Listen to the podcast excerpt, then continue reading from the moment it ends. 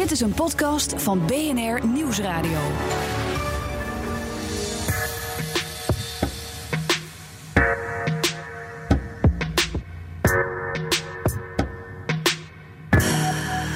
Welkom weer bij de grote Data Podcast Roadshow. En vandaag gaan we het hebben over de hoe-vraag. Hoe kunnen bedrijven, organisaties en overheden zich voor 25 mei 2018 klaarmaken voor de General Data Protection Regulation? Wat is het plan van aanpak? En wie daar ook over na heeft gedacht is Microsoft. Zoals jullie weten, dat is de sponsor. Ze hebben de portemonnee getrokken, want zij vinden natuurlijk ook heel erg belangrijk dat je goed voorbereid bent voor de nieuwe privacywet. We praten deze week met twee gasten Paul Bessems, mede-auteur van het blog Blockchain Organiseren voor Managers. En Sergej Katus, partner bij Privacy Management Partners. Heren, welkom. Paul, ik heb de eerste vraag aan jou. Volgens jou is de GDPR niet zozeer een privacy kwestie, maar een machtskwestie. Wat bedoel je daarmee? Daar bedoel ik over het algemeen mee dat veel mensen niet kunnen kiezen tussen systemen. Dus uh, we noemen toch al de, de Big Five waar je dan uit kunt kiezen: Google, Facebook en zo.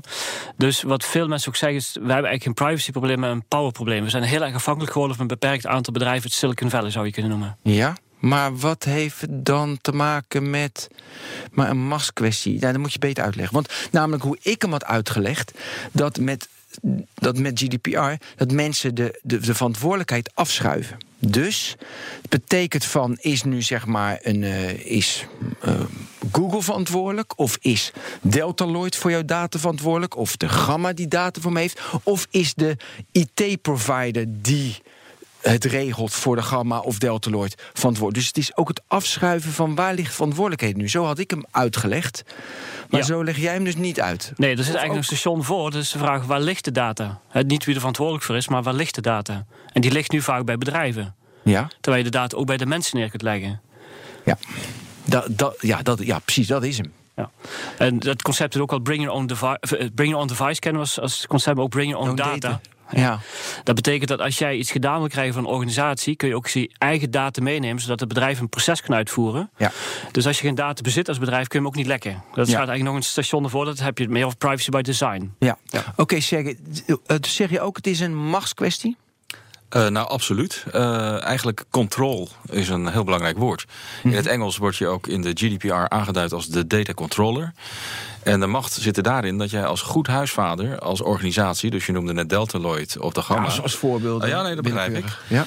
Uh, kun jij de data die jij krijgt, kunnen dan de consumenten of kunnen de burgers voor gemeenten of uh, voor de Belastingdienst de belastingbetalers, mogen zij erop vertrouwen dat jij netjes omgaat met die data? Kun je dat goed huisvaderschap, kun je die macht die je hebt over die data, ja. kun je dat goed uitoefenen? En daar gaat het GDPR over. Ja, oké. Okay. Uh, jij hebt over de Data Protection Officer, de DPO. Weet je, en, dat, uh, en, die leidt, weet je, en, en jij leidt deze mensen ook op. Dat is een functie die moet ontstaan. De, die, die is nu, weet je, dat is belangrijk. Die, die moet komen. Uh, wat is de rol van de DPO? De DPO is in feite de, de privacy accountant van de, van de organisatie. Hij is wettelijk toezichthouder. Je hebt in de GDPR worden twee toezichthouders genoemd. De autoriteit persoonsgegevens, landelijk. Mhm. Mm -hmm. En op organisatieniveau moeten uh, bepaalde organisaties, daar waar het extra privacygevoelig wordt, moeten beschikken over zo'n zo'n, ja, eigenlijk, ik noem het een grensrechter coach. Dus het moet niet een soort politieagent zijn. Want die, die, die fluit het spel dood als je niet uitkijkt. Dat is Ja. de hindermacht in de organisatie. Die zegt kan niet, mag niet. En dat is de showstopper Nee, voor de innovatie. creëren, ja. Absoluut. Ja. Maar dan ook wel binnen de kaders van de GDPR. Hè? Dus ben je netjes bezig met die data. En alle bedrijven met, met- wat was nou, 5000 eh trans... eh, iets Eh, met 5000 was nee, Dan dat is- moet je een DPO. Dat, dat, dat, nee, dat is oude koek. Dat Oh. is wat in de, ooit bij het Europees Parlement eh, een van de stemmen die opgingen, zeg maar, is dat, dat dat de ondergrens is. Nee, het gaat er veel meer over En 5000 wat, want ik was die eenheid vergeten. eh, medewerkers. Medewerkers. Ja, nee, het gaat er veel meer over. Ben je op een hele privacygevoelige manier bezig? Ben je bijvoorbeeld grootschalig aan het monitoren het gedrag van mensen? Of ben je bezig met bijzondere persoonsgegevens, medische gegevens, Ja. gegevens over gezondheid? Ben je daar op een hele grootschalige manier mee bezig? Dan moet je een DPO in dienst nemen. Ja, en publieke organisaties. Ook. Dus alle gemeenten, alle, zelfs de autoriteit persoonsgegevens is een, is een publieke organisatie. Ja. Dat is de landelijk toezichthouder, maar die moet nog zijn eigen FG voor de AP. Ja, maar ik vind het wel vaag. Want Ja? nu ben ik, eh, eh, ben ik een restaurant. En dan, eh, ja, dan heb ik een klein beetje gegevens van de mensen die een reservering maken. Die, moeten geen DP, die hoeven toch geen DPO te hebben? Nee, dus de eerste stap, hè, de hoe-vraag stelde jij ook. Ja, daar gaat het om, hè? Daar gaat het om. En de hoe-vraag is eigenlijk: begin eens bij jezelf na te gaan van wat ben ik nou? Ben ik een restaurant, zoals je zelf aangeeft? Ja. Of ben ik misschien een organisatie waar data van strategische betekenis is en waar ik enorme eh, bergen van naar binnen schep? Ja. En zo'n restauranthouder, dat is natuurlijk niet zo heel spannend. Mhm. Maar zodra je echt wel, en je weet hoe het is in de, in de informatiesamenleving, al heel snel ben je met bergen data bezig. Noem het maar big data of iets dergelijks. Hè. Eh, ja, dan moet je toch wel even heel goed gaan nadenken over, wacht even, dat ownership. Hoe oefen ik dat goed uit en hoe moet ik dat dan doen? Hoe kan ik daarmee zeg maar, groen licht Ja. verdienen volgens de wet? Dus de eerste stap is dus die, dat, je, dat je weet wie je bent en wat je met die data doet. Ja, wij noemen dat een AVG. eh, dat is de Nederlandse afkorting. Hè? AVG, Algemene Verordening Gegevensbescherming. In het Engels de GDPR, General Data Protection Regulation. Doe eerst eens een impact assessment op je eigen organisatie. Wat, wat, wat is de impact van die wet? Ja. En, en ja, anders, anders is het paniekvoetbal. Hè? Dan, dan ben je met van alles en nog wat bezig en ben je dan wel zinnig bezig. Is er in essentie ook welke attributen hou je eigenlijk bij van mensen bijvoorbeeld? Eh, ja, absoluut. Dus eh, met name wanneer je dus, ik noemde het al, gezondheidsgegevens of, of, of eh, locatietracking of zo. Dat je echt of met profiling bezig bent en, en, en het, het monitoren van gedrag met, van mensen. Ja, dan moet je toch wel even. Dan moet je zeker aan de regel, een beetje aan die. Dan moet je zeker eraan gaan voldoen. Ja. Maar als je een restaurant bent, dan, dan kan je het laten zitten. Of... Nou, dan wordt het heel kleinschalig. Dan moet je in ieder geval ervoor zorgen dat je ehm, net de informatiebeveiliging hebt. Eh, dus dan kun je eigenlijk heel compact proberen om toch die. Kijk, er, zijn, er staan een aantal uitgangspunten in. Je moet zorgen voor hele goede informatiebeveiliging. Ja. Nou, dat kan een restauranthouder ook. Moet je ook zeker doen. Of je moet doen aan eh, informatiekwaliteit. Ga er alsjeblieft voor zorgen dat de data die je verwerkt niet onjuist is. Want dan, eh, dan komen mensen echt in de problemen. Paul, wat is de volgende stap? Nou, ik denk nadat je ehm geïdentificeerd hebt wat, wat, wat eigenlijk je kans is op data lekken en wat, wat voor impact het kan Ja, hebben. bijvoorbeeld. hebben. Stap Hè? één, hè? Dat hebben we gedaan. Ja. ja, dan kun je ook aan de toolkant kijken. Hè. De toolenkant kun je kijken van ook het gedrag van mensen. Van ja, eh, houden mensen inderdaad hun wachtwoorden geheim of, of zetten ze het op een, op een eh, post-it eh, op, op de PC of op de monitor. Dus ik denk bij gedrag gaan kijken, bij de tooling gaan kijken. Dat zijn eigenlijk de, de hoe-vragen op korte termijn, zou ik maar zeggen, waar je ook iets aan kunt doen. Tooling. Gewoon kijken hoe het gedrag van. En dat breng je dan ook echt in kaart. Je gaat gewoon langs als DPO. Of wie doet dat als je, als je nog geen DPO hebt? En dat is een hele goede vraag. De, eh, ja, de, de auditor misschien? Een of de, auditor, een vrijwillige in de organisatie die het hartstikke leuk vindt om te doen, die er helemaal, eh, die er helemaal gek van is. Oké, dus dan gaan we gewoon langs en kijken we van hoe is menselijk gedrag met wachtwoorden, post-its, clean desk, dat soort dingen. Ja. Derde punt. Eh, hoeveel, hoeveel punten hebben we überhaupt? Nou, ik, ja, ik zit maar met punten. Ehm, ik denk dat, eh, dat je vooral moet gaan kijken. Stel nou voor dat je inderdaad van die privacygevoelige processen hebt. Dat merk Ja. je in de HR-sfeer, personeelsfeer. Ben je al heel snel bezig met privacygevoelige processen. Het gaat echt om wat zijn je processen. Ja. Je werkprocessen. Eh, bijvoorbeeld gemeenten werken met eh, de wet maatschappelijke ondersteuning en de jeugdwetten. Dat is, dat is gevoelige informatie. Bedrijven kunnen werken, eh, nou neem, neem de Nederlandse spoorwegen, met in- en uitcheckinformatie van de OV-chipkaart. Het kan van alles zijn. Dus dat is voor mij nog allemaal onder één, hè, dit? Wat je nu weer zegt. En, en wat zij moeten doen, en dat, dat staat ook in de, de GDPR, eh, Privacy Impact Assessments. Dat is niet even kijken naar je organisatie als geheel, maar nu inzoomen op die processen. Ja? En begrijpen wat er mis kan gaan als je geen privacybeschermende maatregelen neemt. Dat is interessant. Want doe je dat voor jezelf? Want stel je voor dat het misgaat, want dan, eh, als ik dat niet doe, dan, eh, ja, dan gaat het mis. En dan ligt op straat. Dan krijg, dan krijg ik die boete, weet je, van 4% of die 20 miljoen. Eh, of doe je dat, of word je daarin gecontroleerd? Nee, toch? Het is toch alleen maar om te voorkomen. Je moet het zelf goed organiseren. Nou, daar komt de rol van de DPO. Daar hebben we hem. Daar hebben we hem. Ik dacht Want die gaat, die? die gaat meedenken natuurlijk. Van, Ja. eh, dat is een exercitie, die kun je zelf doen. Maar de DPO kijkt mee. Hij is je privacy accountant. En die kan adviseren over zo'n PIA, Privacy Impact Assessment. En die kan zien dat je dat heel netjes uitvoert. Of dat je merkt van nou, je laat echt steken liggen. Je, je gaat er veel te gemakkelijk mee om. Hoeveel DPO's hebben we wel niet nodig in Nederland als ik dit zo hoor? Eh, ja, eh, heel veel. Hoeveel zijn er nu? En zijn het Veel te juristen, weinig, zijn het ja. technici? Wat voor typen zijn het? nou, je moet er enorm mee er uitkijken. duizenden nodig, hè, volgens mij. Ja, dat zou zomaar kunnen. Eh, je moet enorm uitkijken. Een, een, een jurist weet heel veel van privacyrecht. Maar is dat iemand die management snapt? En is dat iemand die ICT snapt? En is dat iemand die, die ehm, Ja. iets als blockchain eh, eh, eh, begrijpt? Dus je moet eigenlijk heel multidisciplinair zijn. Ja, oké, ik ben mooi. Eh, Paul, is het meer een mentaliteitskwestie volgens jou of meer een ding om in die volgende stap? Ik ben nog steeds met die stappen bezig. Nou, ik, ik, ik heb niet de overtuiging dat uh, door die nieuwe wet nu mensen zich opeens anders gaan gedragen. Dat zal waarschijnlijk pas gebeuren als er echt boetes uitgedeeld gaan worden. En, en ook de, de impact inderdaad duidelijk wordt. Ja. Uh, ik denk wel dat bedrijven de tijd snel moeten nemen om ook naar fundamentele oplossingen te kijken. Want anders blijft het water naar de de, lange zee termijn, hè? Ja. Nou, dus- je mag alvast een fundamenteel uh, Nou, element noemen. waar wij zeggen, nou, meer IT, meer legal maakt vaak het probleem erger. Hè. Wordt- Daardoor wordt het proces nog complexer, meer mensen gaan zich mee bezighouden. En dat ver- verhoogt de kans op, op misgaan, zou ik maar zeggen. Op korte termijn zul je het wel moeten doen. Want ik denk ook als je op korte termijn assessments uitvoert, compliant bent en ook aantoont dat je er moeite voor doet, dat waarschijnlijk die boete niet zo hoog is of helemaal niet is. Dus op korte termijn kan dat zeker helpen. Op lange termijn zul je Ja. meer moeten doen dan alleen meer IT, meer legal. Wat moet je dan doen? Ik ga zo met de processen verder, hoor. maar eerst gaan we even tussendoor wat je dan op de lange termijn moet doen. Nou, het zijn verschillende dingen. Ik, ik gebruik als voorbeeld van, van eh, als er een moord gepleegd wordt. Hè. Dus een inspecteur die kijkt naar wat is de motivatie om dat te doen. Ja. Wat is de kans om er naar weg te komen? En wat is de tooling die hij gebruikt heeft? Als je bijvoorbeeld de motivatie gaat wegnemen om data te hacken... Ja, dan, zal, dan zal er minder gehackt worden, zou ik maar zeggen. Nou, dat betekent wat je nu vaak ziet... is dat op één server eh, attributen staan van, van, van alle werknemers van het bedrijf... of Ja. alle klanten van het bedrijf. Dus het heeft zin om, om, om die data te stelen. Ik vergelijk dus met een, een vrachtauto met allemaal laptops. Een dief heeft al een klant voor die laptops. Dan gaat hij, die, gaat hij dat stelen. Maar als die vrachtauto dus allemaal verschillende producten heeft... dus als het een server is met verschillende attributen... dan ga je de reden voor, voor, voor dus- wegnemen. Ja, en dat is met software makkelijker, want je kan jouw naam kan je ergens anders zetten bij je adresgegevens en je kan je locatiegegevens ook weer ergens anders Ja. neerzetten. En dan, he- dan Ja, moet je, je, je hebt een protocol, ja, je hebt een protocol wat op een gegeven moment eh, attributen bij elkaar brengt om een antwoord te geven op een vraag wat het bedrijf heeft. Ik geef Ja. altijd het, het eenvoudige voorbeeld van als je een boek bij bol.com bestelt, dan hebben zij vier attributen voor jou no- nodig: naam, adres, woonplaats en postcode. Ja. Maar er is geen enkele reden dat die data bij hun in het systeem zit. Ze kunnen eenmalig een vraag stellen aan mijn personal data service. Dat heet pingen. En ze krijgen een antwoord terug en ze kunnen het etiketje printen. En, die data hoeft niet meer in hun systeem te zitten. Dus Goed, en daarmee dan- ga je het voorkomen dat het gehackt wordt. En dan beheers je weer je eigen data in je eigen kluis. Je kunt het beetje vergelijken met een Amerikaans feest, hè, waar je zelf je drank en je, je eten meeneemt. Als jij als particulier iets wil van een gemeente of een overheid of een bank of wat dan ook, dan neem je zelf je data mee, zodat het bedrijf een proces kan uitvoeren. Ja. Dat is eigenlijk het eh, fundamentele verandering. Ja, maar zover zijn we nog niet. Eerste korte stap. We hebben nu namelijk gehad we oriënteren wat we allemaal moeten doen. Dan hebben we inderdaad iedereen geleerd. Intern heb je geen eh, zeg maar, wachtwoorden. eh, Dus ben je daar heel erg goed mee.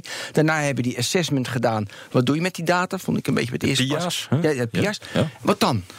Ehm, nou, ik denk, eh, daar ben ik het wel met Paul eens. Ehm, ik denk dat je als bedrijf, als organisatie, heel goed moet nadenken. Wat is nou mijn strategie voor de toekomst? Het gaat niet alleen om die korte termijn eh, oplossingen. Maar de PIA's gaan uitwijzen hoe je organisatorisch en technisch tot een bepaalde digitale duurzaamheid kunt komen. Ja. In, in die zin is het een fantastische wet, die GDPR. Eh, digitale duurzaamheid. Hoe kunnen wij toekomstvast eh, ja, ons ding blijven doen? Eh, innoveren, eh, ondernemersvrijheid. Ja, maar dat is lastig hoor.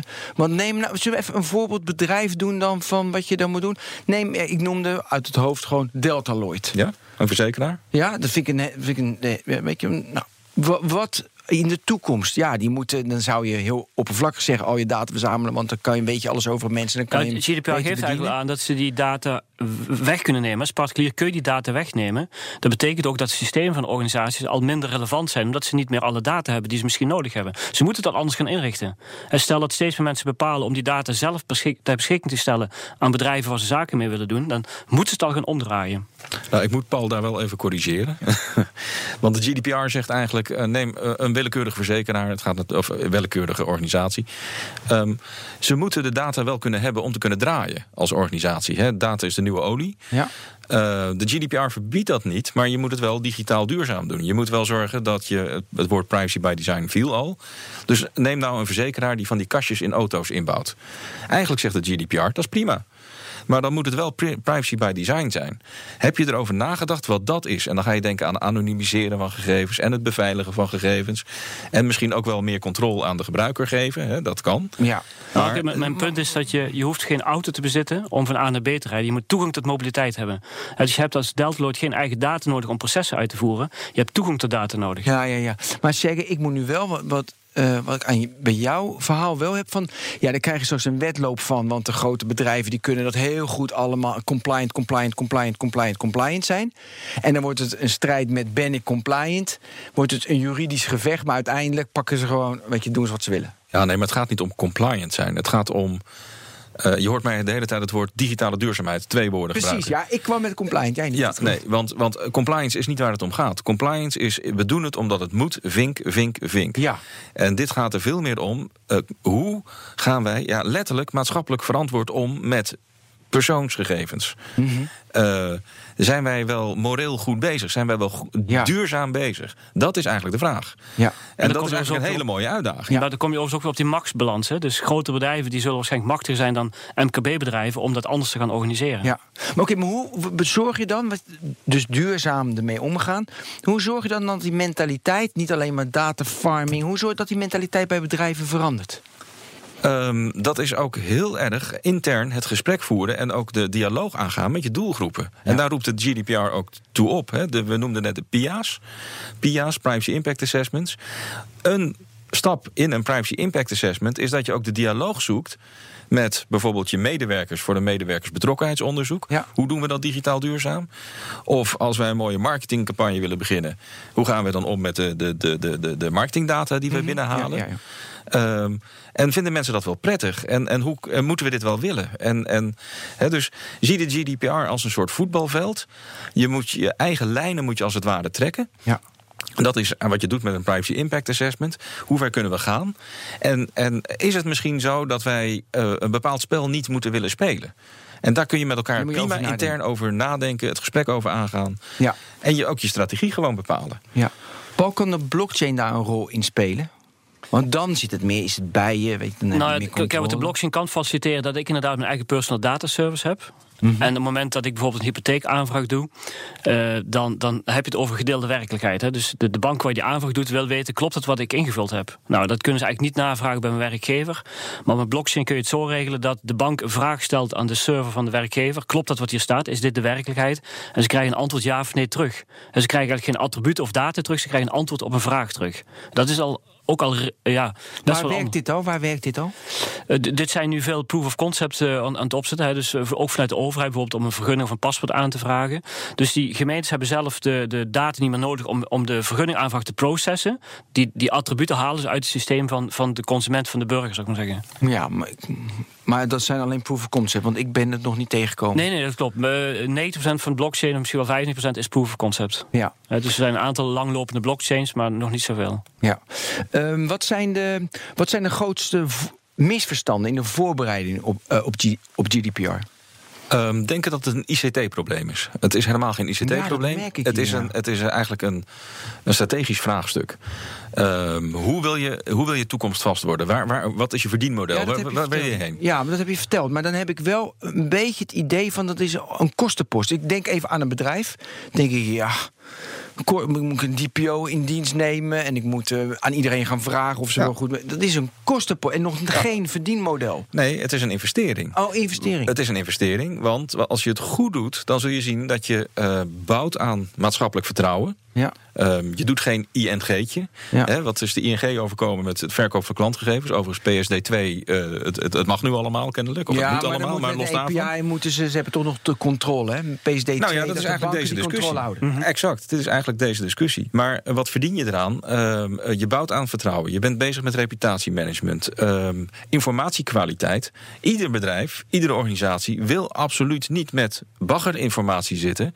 Uh, het is eigenlijk heel goed om eens te gaan letten op je informatiekwaliteit. Wat hebben wij eigenlijk allemaal in huis? Ja. Hebben wij last van databasevervuiling? Uh, lekken wij niet te veel? Het is net milieu. Hè? Het is een beetje het milieurecht van het digitale tijdperk. Ja. Lekken wij geen data, lekken we geen olie? Zijn we onze databases niet aan het vervuilen? Want dat betekent gewoon dat je je klant verkeerd bedient. Uh, Ja. Bol.com met, een, uh, met verkeerde data stuurt de verkeerde cadeautjes naar de verkeerde mensen. En je hebt meer nodig overigens. Je hebt ook Ja, nog betaalgegevens nodig. En je hebt ook nog. Ja. Wat, wat overigens wel een IT iets is, hè, dat is dat de, de huidige manier van database, database structuren uit de jaren 60 stamt. Uh, dat is technisch gezien niet meer nodig dat je een eigen database draait, nogmaals, om, om processen uit te voeren. Uh, dus de, wat dat betreft, ik ben heel met je eens, het is een, een strategisch punt, het is by design.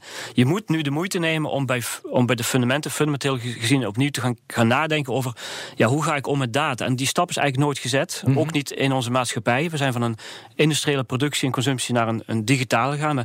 De modellen, de ideeën, de toolings waarmee we dat uitvoeren, zijn eigenlijk nooit meer veranderd. Ja, oké. Okay, Paul, je bent nu de toezichthouder van de autoriteit persoonsgegevens, Aleid Wolfsen. Wat, wat is je plan van aanpak dan? Wat zou je doen? Ja, op korte termijn zou ik denk ik mijn opdracht uitvoeren, want dat is ook je bestaansrecht. Maar ik zou voor de lange termijn zeker ook proberen medestanders te vinden om het fundamenteel op te lossen. Maar een punt bij heel veel organisaties is dat het probleem waar ze de oplossing zijn eigenlijk hun bestaansrecht is. Dus de vraag is even in hoeverre gaat een toezichthouder meedenken aan het voorkomen van waar hetgeen ze toezicht op moeten houden. Dat weet ik niet. Ja, zeker. Um, ik denk dat de AP vooral organisaties moet bevestigen die hier echt goed mee aan de slag gaan. Dus niet ja. blindelings boetes uitdelen, ja. maar uh, beloon ze, erken ze. Ja. Zeg je doet het goed. Uh, rolmodellen. En, en, ja. ja. Maar goed, ze hebben natuurlijk heel weinig mensen. Dus wat is je prioriteit? Wat doe je? Nou, ik denk dat je. Waar begin je? Wil je het uh, inderdaad ook als rolmodel, dan zullen waarschijnlijk toch wat meer de bedrijven met gevestigde namen. Misschien. Ik weet niet hoe de selectiecriteria zijn of er wachttijden ontstaan als er, als er dossiers binnenkomen. Dat weet mm -hmm. ik niet. Maar als je zou kiezen, ja, dan zal je waarschijnlijk kiezen voor, voor bedrijven die wat meer naamsbekendheid hebben. Om, om de effecten ervan eigenlijk te vergroten. Maar ik denk niet dat dat mag. Ik denk dat ze een bepaalde volgorde moeten kiezen. Ja. Hoe ze dossiers behandelen. Oké, okay. tot slot wil ik gewoon even in één tweet, in één bullet. Uh, wat moet je. We hadden de hoe-vraag, zouden we wat moet je doen? Gewoon in één, een paar bullets. Uh, begin één met een AVG Impact Assessment. Ja, twee. He, Twee maar is, hoef je niet meer uit te leggen, want we hebben 20 minuten zorg ervoor, zorg ervoor dat je, uh, ik noem dat overkoepelend privacybeleid, kapstokbeleid. Dat is eigenlijk, het is een ingewikkelde puzzel, maar begin met de randjes. Ja. Kader, een beleidskader. Drie. Drie, doe PIA's op je meest risicovolle processen. Dat, uh, ja, wat, wat, wat, wat is het spannendst hier? Vier, je hebt nog een vierde, ja. Zorg ervoor dat je daar privacy by design creëert. En dat is eigenlijk uh, groen produceren met data. En documenteer dat. En ja. zorg dat je een donders goede DPO hebt, vijf. Die niet als een soort politieagent het spel loopt dood te fluiten. Maar, maar die je helpt. Exact. Mooi. Paul, nog iets toe te voegen? Nou, doe op korte termijn uh, blok A wat jij noemt met die, met die bullets. En maar, maar lange termijn? Begin gelijktijdig een lange termijn project. Want als je daar gaat uitstellen, dan, uh, dus dan moet je nu mee beginnen. Een parallel traject. Als de luisteraar nu niet wijzer is, snap ik het ook niet meer. Heren, hartelijk dank dat jullie aanwezig wilden zijn. Paul Bessems, mede-auteur van het boek Blockchain Organiseren voor Managers. En Sergej Katous, een partner bij Privacy Management Partners. Dit was de Grote Data Podcast Roadshow. In de volgende, in de volgende aflevering bespreken we weer precies wat privacy is, wat we moeten doen. En natuurlijk alles over GDPR. Veel plezier en geniet ervan.